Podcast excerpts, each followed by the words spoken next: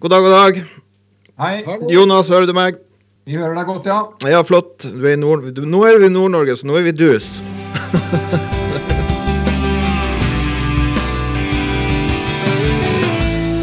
da ønsker jeg velkommen til Folkepodden, en, en podkast fra Folkebladet. Med meg i dag har jeg altså eh, andrekandidat i Troms for Arbeiderpartiet, Nils Foshaug. Og så har jeg med meg eh, mulig statsminister ved neste valg, Jonas Gahr Støre. Velkommen til oss. Tusen takk. Uh, Jonas, vi skal begynne med deg. Jeg vet du har et veldig tett program og har det litt travelt. Men i går så la, så la Arbeiderpartiet fram en vekstplan for Nord-Norge. Kan du bruke et minutt og forklare hva, hva er denne vekstplanen for Nord-Norge? Altså, vi har jo prioritert nordområdene uh, da vi satt i regjering sist. Uh, vi har lagt vekt på at vi vil ha en tydelig retning på nordområdepolitikken om vi får regjeringsansvar igjen. Så dette er jo den eneste delen av landet som er omtalt i et eget kapittel i vårt partiprogram. Men vi skal utvikle regionale vekstplaner for hele Norge, men vi begynner i nord. Og det er en plan som er blitt til veldig mye på innspillene fra våre eh, politikerkolleger i eh, nord. Og den har ni punkter, som du ser. Eh, understreker betydningen av kunnskap. At vi gjør kunnskap tilgjengelig. Desentralisert utdanning med nye oppdrag for våre universiteter i nord til å tilby utdanning rundt om i, i, i landsdelen. Og så er det jo en satsing på de framtidsnæringene som har en stolt historie. Alt fra de tradisjonelle fiskeriene, industrien, reiseliv. Til noe av det nye og spennende som kommer innenfor eh, energi, hydrogen eh, osv. Så, videre. så det er en stor ambisjon, og eh, jeg syns den er konkret og spennende. og Jeg håper virkelig får tatt tak i den. Jeg tror det kan bidra til å snu nedgangen i befolkningen, og det kan skape en optimisme som jeg mener denne regjeringen har gjort veldig lite for å bidra til. Du har ni punkter. Hvis du skulle prioritere, hva er det viktigste punktet, tenker du? Altså, Jeg mener jo at arbeid er jo hovedpunktet for det aller meste av oss i livet. Eh, så det å sikre arbeid, og til bunn for det ligger jo det at ungdommen vår får en yrkesutdanning, fagutdanning og utsikt til en lønn, en helt fast stilling og en lønn å leve av. Så det er jo kjernen til, til alt. Og, mm. og, med det vil vi også kunne få en tror jeg er veldig viktig, og en av, en av årsakene til noe vi må ta tak i, at det er en trygghet knyttet til velferdstilbudene, helse, oppvekst, som gjør at du at du ikke er utrygg på at det blir borte for deg. At det blir trukket inn. Hvis utviklingen nå er det at du må ha en privat helseforsikring for å være trygg for at du får helsehjelp, så er den norske samfunnsmodellen, og særlig i det langstrakte Nord-Norge, ute å kjøre. Så det må vi snu. Mm. Vi skal gå på det første punktet, der, eh, som heter 'mer verdiskapning skal bli igjen i nord'. Eh, hvis vi nå begynner det som er vårt hjerte nærmest, som er fiskeriet. Hvordan skal du få til hvilken strategi har du for at mer av fisken skal landes i Nord-Norge, og ikke havne på kjøl til Kina og bli produsert der, og, og komme tilbake ferdig produsert? Altså For det første så er, altså dette, dette, gjelder flere felter. Bare la meg ta det. ikke sant? Uh, uh, mer av oppdrettspengene skal bli igjen uh, den, gjennom produksjonsavgift lokalt. vindkraft må godkjennes lokalt. Mer må bli igjen lokalt. Og for fiskeriene så, så sier jo Cecilie Myrseth veldig tydelig vi trenger en ny kvotemelding. Mm. Vi trenger å se på pliktsystemet eh, på ny etter at denne regjeringen ikke evnet å legge fram noe som, som var bærekraftig. Og så må vi satse på den industrien som kan bearbeide disse råvarene. Slik at ikke svaret automatisk blir at det skal fanges, fryses og fraktes ut av landsdelen. Eh, da må vi sikre kystflåten.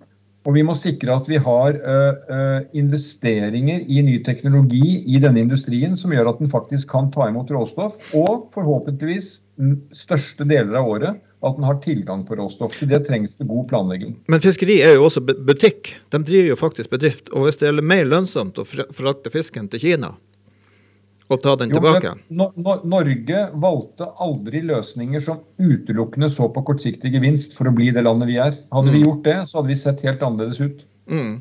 Jeg mener jo at Tar du landbruk og fiskeri, de skal selvfølgelig bringe fram gode produkter for, uh, for mat og for ernæring. Men de har også andre veldig viktige oppgaver uh, for landet vårt. Mm. Så dette her mener jeg er altså Her er jo typisk kortsiktig profittankegang. Kan jo være langsiktig trussel for å sikre eh, bosetting, trivsel eh, og de andre samfunnsmålene vi må vektlegge.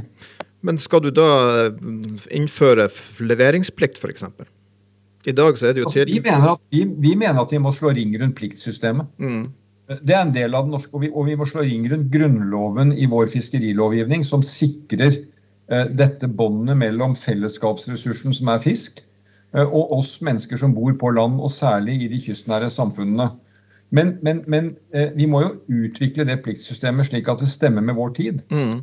Ikke sant? I, I, dag sitter jo jeg som forbruker i Oslo og kan velge ulike typer produkter fra, eh, fra rå fisk til bearbeidet fisk og til fisk jeg lager selv. Eh, og, og, og, tilsvarende så kan jo industrien også spesialisere seg på det. Og vi må aldri ha et pliktsystem som, som vanskeliggjør den spesialiseringen. Men vi har jo helt siden vår tid i regjering ønsket utviklingsprogram for industrien på land. Satse på den og, og sørge for at det ligger lønnsomhet også der. Mm. Og da er leveringsplikt en, en del av uh, nøkkelen? Ja. En bearbeidelsesplikt sånn som det er i dag? Jo, men, men, men jeg sier at eh, disse pliktene, pliktsystemet, er viktig. Det er en del av samfunnskontrakten. Mm. Akkurat hvordan vi utreder det, utreder det, der følger jo vi den gamle sosialdemokratiske modellen om å snakke med partene. Mm. Lytte til de som har skoa på. Og jeg vil lytte både til trålernæringen og kystflåtenæringen og industrien for å, for å, lande dette best mulig.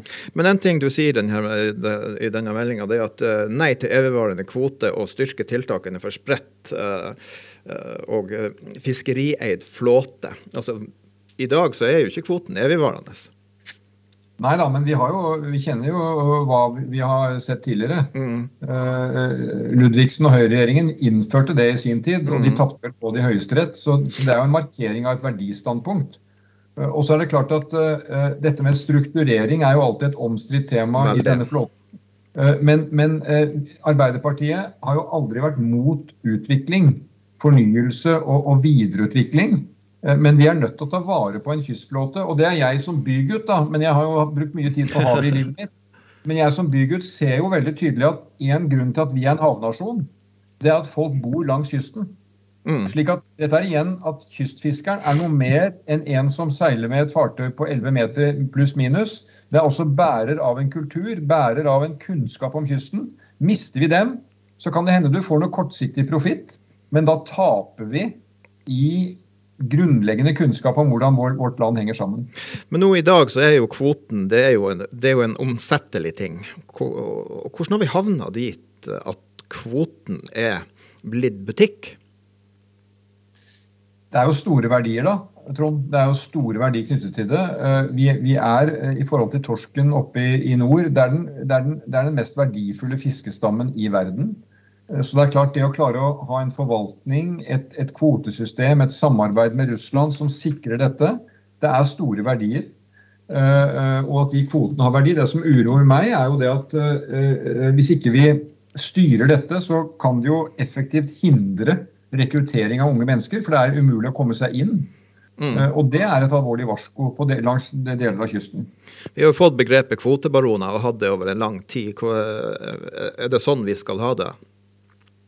Nei, altså det er, jo, det er jo ikke ment som et honnørord, det du sier der. Mm. Uh, så det kan jo ikke være sånn det er ment å gjøre. Så det, det å lage spesielle ordninger som sikrer f.eks. Unge, unge mennesker andeler til å komme inn, mm. det må vi se på. Jeg erkjenner at det er ikke politikk du bare kan trykke på knappen og snu fra en dag til en annen, men jeg tror vi kommer til å og her tror jeg de tre partiene vi går til valg på å styre med, kommer til å ha veldig sammenfallende syn på hovedretningen på dette. Ja, ja men men du snakker også om rekruttering. I dag Hvis en, en, ung fisker skal komme inn, så er prislappen den er jo skyhøy for å komme inn i dette yrket. Hva, hva konkret tenker du av tiltak for at eh, flere unge skal kunne, skal kunne utøve fiskeriyrket? Nei, altså det, altså Nå skal jeg være forsiktig, for det er et finmasket system. men Det er jo en, er jo en av mine store uroer. Men, men jeg, jeg syns jo det at man kan se muligheten for å reservere noe andel til unge mennesker som skal inn, slik mm. at du får en inngangsbillett uh, og som gjør det mulig. Det tror jeg er de ordningene uh, vi, må, vi, må, se på. Hvis vi er enige om at dette er et problem, og det tror jeg vi er, mm. så er det klart det finnes en løsning. Hva er Arbeiderpartiets løsning? Nei, Den er å sikre uh, rekruttering og rettferdig fordeling. Jeg har ikke noe imot at folk kan tjene gode penger på fiskeri. Tvert imot, det vitner om at det er en framtidsnæring. Men her som ellers så må det være rettferdige fordelinger og muligheter til mange. Og hvis vi ender opp med at folk skal eie eh, på langveisfra, langt unna lokalsamfunnene. Vi vil jo ha mer verdiskapning til lokalsamfunnene. Så er vi på feil kurs, og det må vi snu. Mm. Vi skal eh, hoppe litt fra fisk til uh, verdensledende kunnskapsmiljøer og utdanning nært folk. Uh, jeg vet at han Nils, Vi skal snakke litt med han Nils, for jeg vet du har litt uh, travel dag, Jonas. Men vi skal snakke litt med han Nils om det litt etterpå. Men hva, hva legger du i det, Jonas? Altså jeg tenker jo det, som jeg sier, at Kunnskap er navet i det vi legger frem her. Og Det vi legger frem som en politikkreform nå, det er det vi kaller desentralisert utdanning. Hvor vi erkjenner at det å ta fagutdanningen din, yrkesutdanningen din, videreutdanningen din eh, Hvis det fører til at du må flytte for å gjøre det, så er sjansen at du flytter tilbake igjen, den er mindre. Nå, vi, nå sitter vi og snakker sammen på en podkast eh, på stor avstand. Det er klart mm. Mulighetene nå for desentralisert utdanning er store, også teknologisk. Så Derfor så ønsker jeg at våre fremragende universiteter i Tromsø og Bodø, som jo kan nordområdene, skal få et forsterket nordområdeoppdrag. Og en forventning om at de bidrar til utdanningssentra eh, i vårt spredte land, eh, så du slipper å reise så langt. Alt må ikke skje på campus. Mm. Det er en veldig mm. spennende reform å gjennomføre. Uh, jeg skal snakke litt om, om, reiselivet. Et sterkere reiseliv etter krisen, sier dere. Hva, hva, legger du i det? Så Dette er jo Norges store mulighet. Men som jeg har snakket om flere andre deler i Nord-Norge rundt denne planen, så er jo klart at vi har en mektig natur, men den er sårbar. Så reiselivet vårt må også ha en sterk eh, eh, vekt på kompetanse. Eh, at vi forvalter eh, eh, disse opplevelsene som folk er villige til å betale for å reise langveisfra, på en måte som ikke forringer de kvalitetene. Jeg er jo sikker på at etter koronaen vil reiselivet ta seg opp igjen. Og da må vi fortsette å investere i at folk kan jobbe i den næringen, at de også der kan ha hele faste stillinger, være trygge for jobben sin. Og at vi har god produktutvikling drevet også fra kunnskapsmiljøene våre. Vi har jo åpnet for en sånn besøksavgift som noen er mm. opptatt av. De kalte det før en turistskatt. Det har vi bevisst ikke kalt det. Men dette er en erkjennelse om at kommunen selv kan være med å ta et lite bidrag fra de som kommer og reiser, slik at det er ordentlig og ryddig og bærekraftig. Om det er toaletter eller om det er andre, andre ting, så tror jeg det, mm. vi, må, vi må ha et godt rykte på oss Eh, for at dette fantastiske produktet som er Nord-Norge og reiseliv, eh, står seg. Men vi har jo et, eh, et, reiseliv nå i nord og for så vidt i hele landet som står i knestående, på, nettopp pga. koronaen, som du nevner. Hvordan skal vi klare å få bygd opp et solid og bærekraftig reiseliv etter koronaen? For det første så har vi arbeidet for at støtteordningene må treffe det reiselivet. Det er klart Reiseliv er jo alt fra de store hotellaktørene til Hurtigruta og store aktører, til enkeltmannsforetaket som leier ut kajakk eller eh, ordner turer i fjellet. Mm. Så eh, eh, jeg har jo tro på at reiselivet kommer i gang igjen. Og da må vi sørge for at når det kommer, så må vi være klar til å ta tak i den, den muligheten som det, som det, byr seg. Vi har et fantastisk produkt, og vi har, kan ha mye større ambisjoner.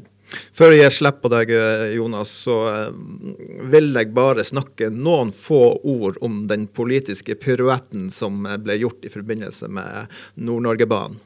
Eh, hva skjedde? Dere snu, eh, ombestemte dere? Altså Ordet piruett har jeg aldri, har jeg aldri koblet til det. Nei, jeg skal si det at eh, det som jeg reagerte på i fjor, var at det bare å rekke hånda i været og si at nå bygger vi Nord-Norge-bane uten at du har gjort noe arbeid med å bestemme hva er det, hvor går den, hva koster den, hva krever det, mm. det er useriøst. Det er, det er å motarbeide Nord-Norge-banen, etter min mening så har jo vi jobbet med dette i programkomiteen. Eh, og vi har sagt noe i retning av at en landsdel som har 80% av havområdene, 40% av landområdene, 10% av befolkningen, de får 1 av jernbanemidlene. Eh, eh, vi vil sette den Nord-Norge-banen på kartet med mål om at den realiseres. Men det skal skje på skikkelig vis. Mm. Og så har vi hatt et landsmøte i mellomtiden. Det er vårt øverste organ som har vedtatt det. Så nå får vi gjøre det arbeidet grundig, og så skal vi ta de avgjørelsene. Det er ingen som har eh, bestemt hvor en skinne skal gå eller hvordan det skal være. Det er useriøst å bare si det. Men eh, eh, med mål om å realisere er å ha en ambisjon, og det har vi på dette området. Hva tenker du om, om Knut Harilds uttalelse i etterkant av, av det, det, vedtaket som ble gjort, der han sier at her må vi velge enten eller? Er ikke det splitt og hersk? Altså, jeg kjenner Knut Arild Hareide som en veldig seriøs og etterrettelig politiker, så jeg tror ikke det er vond vilje hos han på det. Men jeg syns jo den kommentaren han fikk fra sine egne, at det er jo litt rart at han selv har satt i gang en utredning om dette. Mm. Og så går han ut og forteller at det ikke er mulig. Eh, så det er jo han som må bestemme seg da. Eh, og, og jeg sier igjen strekningen, avstikkerne, teknologien. Vi har ikke tatt stilling til det. Jeg, jeg har rett og slett ikke kunnskap til å gjøre det. Og de tallene jeg ser som er i mediene nå, om det er så mange milliarder eller så mange mm. milliarder. Her For noen år siden så var jo løftene om fergefri E39 eh, og fire felt og 120 km i timen, det, det, måtte jo også utredes. Så vi må gjøre det på skikkelig vis. Og det vet jeg at eh, mine parti...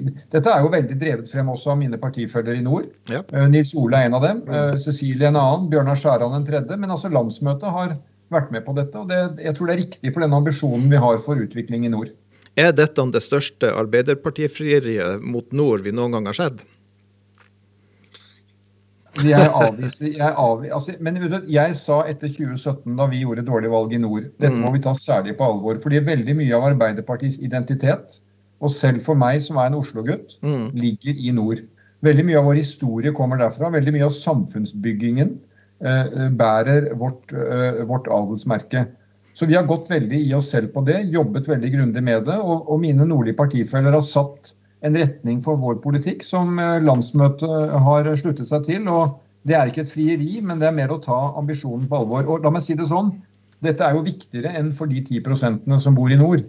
Mm. Eh, det er viktig for hele Norge, for dette er jo vårt strategisk viktigste, mest utsatte område. Og det at det bor folk der, at de arbeider og har høy verdiskaping, det er i, i, i, fellesskapets interesse, også sikkerhetspolitisk. vil jeg si da, Det vet jeg Nils Ole er en forsvarsmann. Mm. Men, men uh, vi vil jo styrke Forsvaret i nord, styrke nærværet og være virkelig en nasjon som verden ser til. Ikke mindre enn det. Helt til slutt, Jonas. Det var, eh, NRK hadde en partimåling som var tatt for Troms, der eh, Arbeiderpartiet fikk 19,1% en nedgang på 4,9% Nå må jo påpeke at denne målinga var tatt før avstemninga om Nord-Norge-banen. Tror du den hadde sett annerledes ut hvis den, hvis den partimålinga vært tatt etter uh, vedtaket i Stortinget? Det vet jeg rett og slett ikke, men den var tatt også før vårt landsmøte. og det, jeg, tror det, jeg, tror det, folk uh, hører nå når de hører Nils Ole og meg snakke, det er at når vi sier at det er vanlige folks tur, mm. så forklarer vi hva det betyr. Det betyr noe med krafttak for arbeid, trygghet for velferd, vi skal ha en rettferdig klimapolitikk.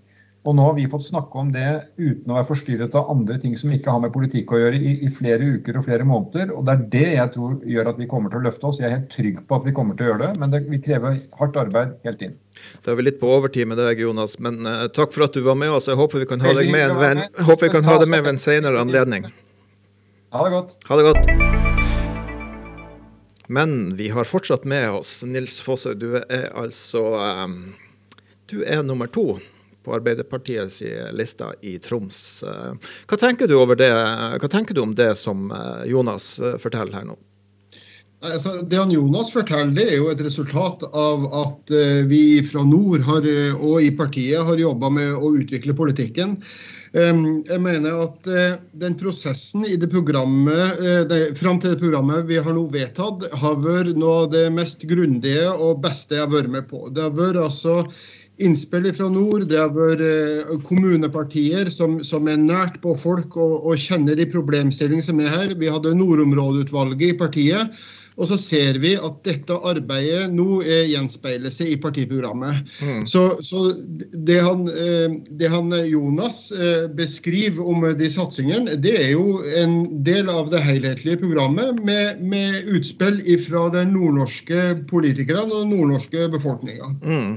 Jeg vet at uh, i, den, uh, etter, i strategi, de ni strategimålene så vet jeg at nummer to, uh, verdensledende kunnskapsmiljø og utdanning nært folk, er et tema som du brenner veldig for. Hvorfor?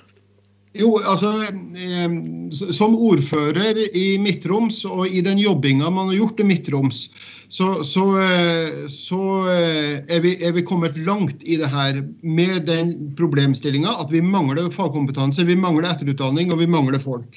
Så, så eh, Studiesenteret i Midt-Troms, der man eh, til slutt klarte å forene alle kommunene om å støtte opp og lage til studiesteder for å kunne tilby den kompetansen som etterspørres av kommuner og næringsliv, den har man vært med på nå. Mm. Og Når man nå klarer å få dette inn til å bli en nasjonal politikk altså Nordreisa har òg et studiesenter. De har slitt mer enn Midt-Troms. Eh, og det å oppleve den forskjellen mellom eh, behovene og finansieringen nå, og så gjør de om til politikk og sier at dette er faktisk en nøkkel for å løse utfordringer til kommuner og næringsliv rundt i distrikt, da, da, da blir jeg glad. Og, og, Det er altså kommunene i Midtrom som var med å betale for å få en lærerutdanning til, til, til studiesenteret, for å sikre oss at vi har nok kompetent arbeidskraft til våre unger. Vi har sykepleierutdanninger, det kommer førskolelærerutdanninger. Så, så når vi fikk det her til å bli eh, slått fast i programmet, eh, så eh, var jeg utrolig lykkelig. Altså. Og jeg vet også at inn mot dialogen så har det òg vært dialog mot studiesenteret i Midt-Troms for å mm. lære av dem mm. og andre studiesenter. Så jeg tenker at dette er løsninga for å kunne stoppe noe, noe fraflytting. Det er løsning for å kunne sørge for etterutdanning og rett kompetanse til kommunene og næringsliv, eh, som er ganske unik. Og, og, eh, nå er det ikke sånn at det blir på lykke og fromme om du får finansiering eller hva du må kjøpe. Nei, det altså skal settes av midler som skal gå til å sørge for denne utdanninga. Og i dagens verden verden, så, så, er det ikke sånn lenger at vi tar en utdanning og den var vi ferdig med. Nei, det er påfyll, det er etterutdanning, det er ny kompetanse som er inn. Og nå har folk som bor i distriktene og bor utenfor campusene, muligheten til å kunne gjøre det. Vi skal hoppe til punkt én, der det står mer, verdi, mer av verdiskapninga skal bli igjen i nord. Hvordan, eh, Jonas var jo selvfølgelig inne på det, men, men eh, hva tenker du? Nei, altså Dette er jo forutsetning. og, og jeg tenker, det, det, det, eldste eksempelet man har på når industri etablerer seg og, og eh, det skal være en verdiskapning, det er jo vannkraftproduksjon i Norge. Der man for over 100 år siden eh, ble enige om at jo de kommunene som avgjør land og grunn og, og og det skapes verdier, skal ha igjen noe ut av det. Så dette er jo et gammelt prinsipp det er at du skal ha igjen og, og få verdiskapninga. Og Det gjelder på, på, eh, på, eh, kraftproduksjon, det gjelder på fiskeri, og det vil gjelde også på mineralproduksjon. Og den, den grønne omstillinga som vi er midt inne i, der vil Nord-Norge spille en viktig, viktig, viktig eh, del av den biten med de ressursene som er der. Og Da må man sørge for at de som etablerer seg, de som er der, må være med og gi noe tilbake for å utvikle samfunnene. Dette er et over 100 års gammelt prinsipp i Norge. som starter starter med vannkraft, og det må gjennomføres på alle områdene. Du, eh, ser du for deg at eh, eventuelt eh, Arbeiderpartiregjering, selvfølgelig i samarbeid med andre partier, vil klare å øke tilflytninga av arbeidskraft nordover? Ja, det tror jeg. Altså, eh, Uten arbeid så er det jo fryktelig lite å flytte nordover til. Så det å skape arbeidsplasser innenfor de ulike områdene eh, eh, vil være med på å stimulere til det. Så, så jeg er sikker på at i lag med de Senterpartiet og SV og Arbeiderpartiet i en ny regjering, så vil man klare å få til flere arbeidsplasser, flere større utvikling av næringen. Og det vil òg være med både på å beholde, men òg rekruttere mennesker til å bo i nord. Det står i, i, den, eh, det står i vekstplanen for Nord-Norge så står det at uh, nordområdene er Norges viktigste strategiske satsingsområde. Uh, hva legger du i den setninga? Til å legge bl.a. Eh, det vi snakka om ressursene som ligger i nord. Altså, eh, hele Norge er enige om at vi skal leve av havbruk og fiskeri. Det, ligger noe, det meste ligger i nord. Eh, mineralforekomster, kraftproduksjon, det ligger veldig mye i nord. Det er også det at vi er nå nabostaten til, til et stort og mektig land ved sida av oss, som gjør at man òg trenger befolkning for å trygge og ha tilstedeværelsen. Så, så, og så har man det faktum av at vi har de kompetansemiljøene som ligger i akademia, med to universitet.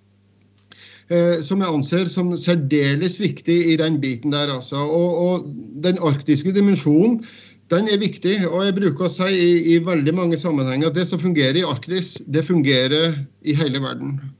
Vi lar det bli siste ordet, Nils. Og med det så vil jeg takke for eh, denne gang. Og med meg i studio i dag hadde jeg altså Nils Fosshaug, Du er altså andre, på andreplass på Arbeiderpartiets lista i Troms. Så hadde jeg statsministerkandidat Jonas Gahr Støre. Mitt navn er Stian Jacobsen. På teknikk, skikk og bruk hadde jeg Trond Sandnes. Og da sier jeg takk for oss.